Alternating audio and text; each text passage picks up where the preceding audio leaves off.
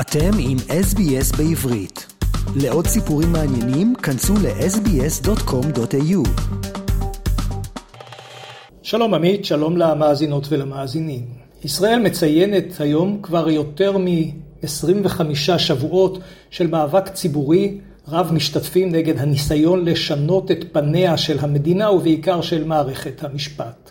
אבל השבוע החולף היה חשוב במיוחד.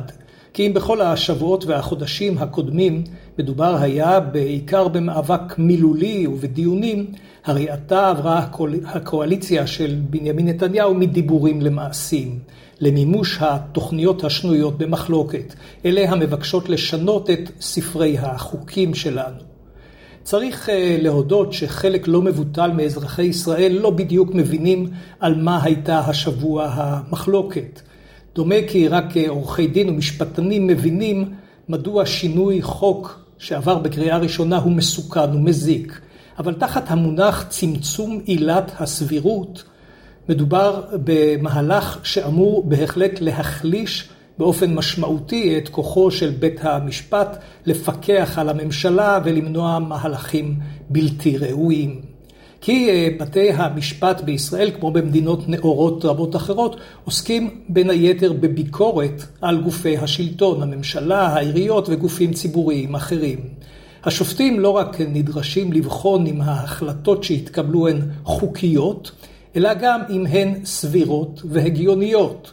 ואם השופטים סבורים כי מבוצעת אה, פעולה שלטונית החורגת מתחום הסבירות, יכול להיות אה, בית המשפט העליון, לעתים גם בית דין נמוך יותר, לחייב את הגורם השלטוני לפעול אחרת. כך אה, כמה דוגמאות. למשל, כאשר החליטה הממשלה לפני שנים אחדות כי בשל שיקולים תקציביים ימוגנו בעיר שדרות רק חלק ממוסדות החינוך ביישוב הנמצא כידוע ממש על גבול עזה.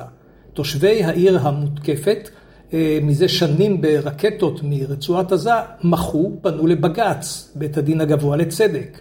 וזה קבע כי הממשלה חייבת למגן את כל מוסדות החינוך בעיר. הנימוק, ההחלטה הממשלתית על מיגון חלקי של הגנים ובתי הספר חורגת מן הסבירות. או בעניין אחר, בשנת 1993, החליטה הממשלה להשאיר על תפקידם את השרים אריה דרעי ורפאל פנחסי מש"ס, למרות שהוגשו נגדם כתבי אישום חמורים על מעשים פליליים. בעקבות הפנייה לבג"ץ קבעו השופטים כי מדובר בהחלטה החורגת מן הסבירות. השרים הנאשמים בפלילים אינם יכולים להמשיך לשבת בממשלה. מה שקורה עכשיו הוא ניסיון בעייתי של ממשלת הימין לצמצם את סמכותו של בית המשפט העליון לפעול על פי שיקולים של סבירות. כי שרי הממשלה מן הסתם אינם רוצים שיהיה מעל לראשם גורם כלשהו אשר יבחן את עבודתם. וזהו כמובן רק שלב ראשון בשורת המהלכים שמבקשת ממשלת נתניהו הנוכחית לקדם כדי לפגוע בפיקוח המשפטי וכמובן להעניק לשרים יד חופשית הרבה יותר. וכך בשלב ראשון כאמור כבר העבירה הממשלה בקריאה ראשונה במניעת הכנסת אה, את הפגיעה החמורה בעילת הסבירות. לא ברור אם בשבועות הבאים תעביר הממשלה את החקיקה גם בקריאה שנייה ושלישית וכך היא תיכנס לספר החוקים. ההצבעה על החוק החריפה כצפוי את המערכה הציבורית הנרחבת הנמשכת כבר אה, ללא הפסקה חודשים רבים, אך מארגני המחאה לא רק אה, ממשיכים בהצהרות עצומות בתל אביב ובערים אחרות, במקביל מתנהלת מערכה חשובה אולי בעלת השפעה רבה עוד יותר. מצג של אזרחים המוטרדים ביותר ממהלכי ה... ממשלה הרומסים את הדמוקרטיה, והמדובר בעיקר בקצינים בצבא, במיוחד בטייסים, אך גם בעלי תפקידים אחרים שכבר סיימו את שירותם, זה הסדיר וגם המילואים. חשוב להדגיש, אין מדובר בקציני מילואים משובצים ביחידות שונות אשר על פי החוק נקראים אה, לשירות על פי צווי גיוס. עתה מדובר בקצינים, גם הם טייסים רבים, אה, שכבר אה, אינם בגיל המחייב אותם להגיע למילואים, אבל הם ממשיכים להגיע לשירות בהתנדבות. רוב הציבור אינו מכיר אולי את ההסדרים האלה, אבל מסתבר שבחיל האוויר, במודיעין ועוד, יש אה, יחידות לא מעטות התלויות למעשה בנוכחות הקבועה של מתנדבים כאלה. ועכשיו מאות קצינים מתנדבים, אה, אשר הכריזו על החלטתם שלא להתנדב עוד בשל הפגיעה החמורה בדמוקרטיה. שר הביטחון יואב גלנט עושה בשבועות האחרונים מאמצים רבים כדי לשכנע את הקצינים הללו שלא להפסיק את ההתנדבות, אבל חלק גדול מהם מסרב. זאת עוד עדות להתנגדות העזה ההולכת ומתרחבת של אזרחים ישראלים הרואים את מהלכי הממשלה בתחום החקיקה כאסון וכמהלך שיפגע בליבת החברה. על פי דיווחים שונים, אם אה, עוד טייסים מתנדבים ינהגו כך בימים הקרובים, תהיה לכך השפעה משמעותית על חיל האוויר.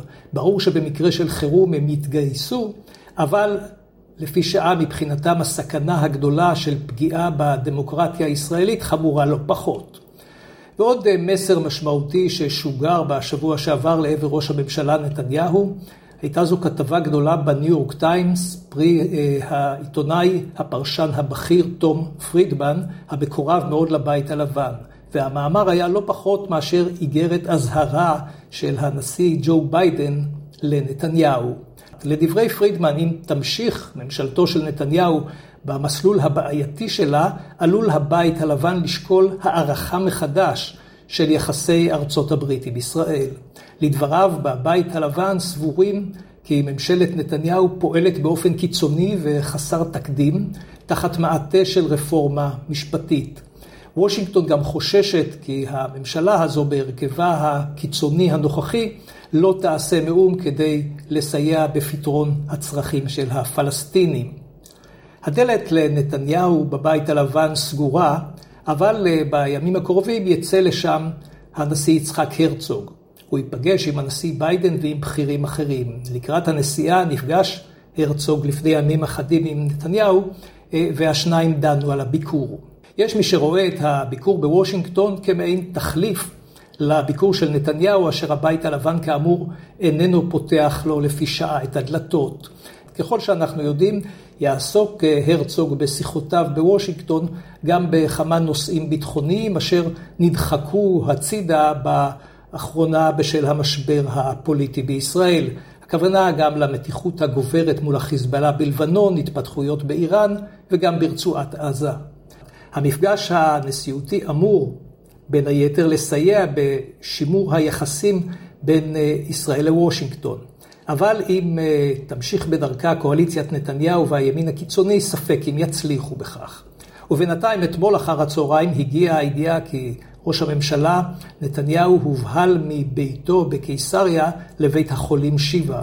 הדיווח הראשוני על כך אמר כי אה, הוא חש ברע וככל הנראה התייבש בחום העז. שכן נוסף למתיחות הרבה סביב מהלכיה השנויים במחלוקת של הממשלה, עוברת ישראל גם גל חום אדיר. עד כאן רפי מן, המדווח מתל אביב לרדיו SBS בעברית. עקבו אחרינו והפיצו אותנו דרך דף הפייסבוק שלנו.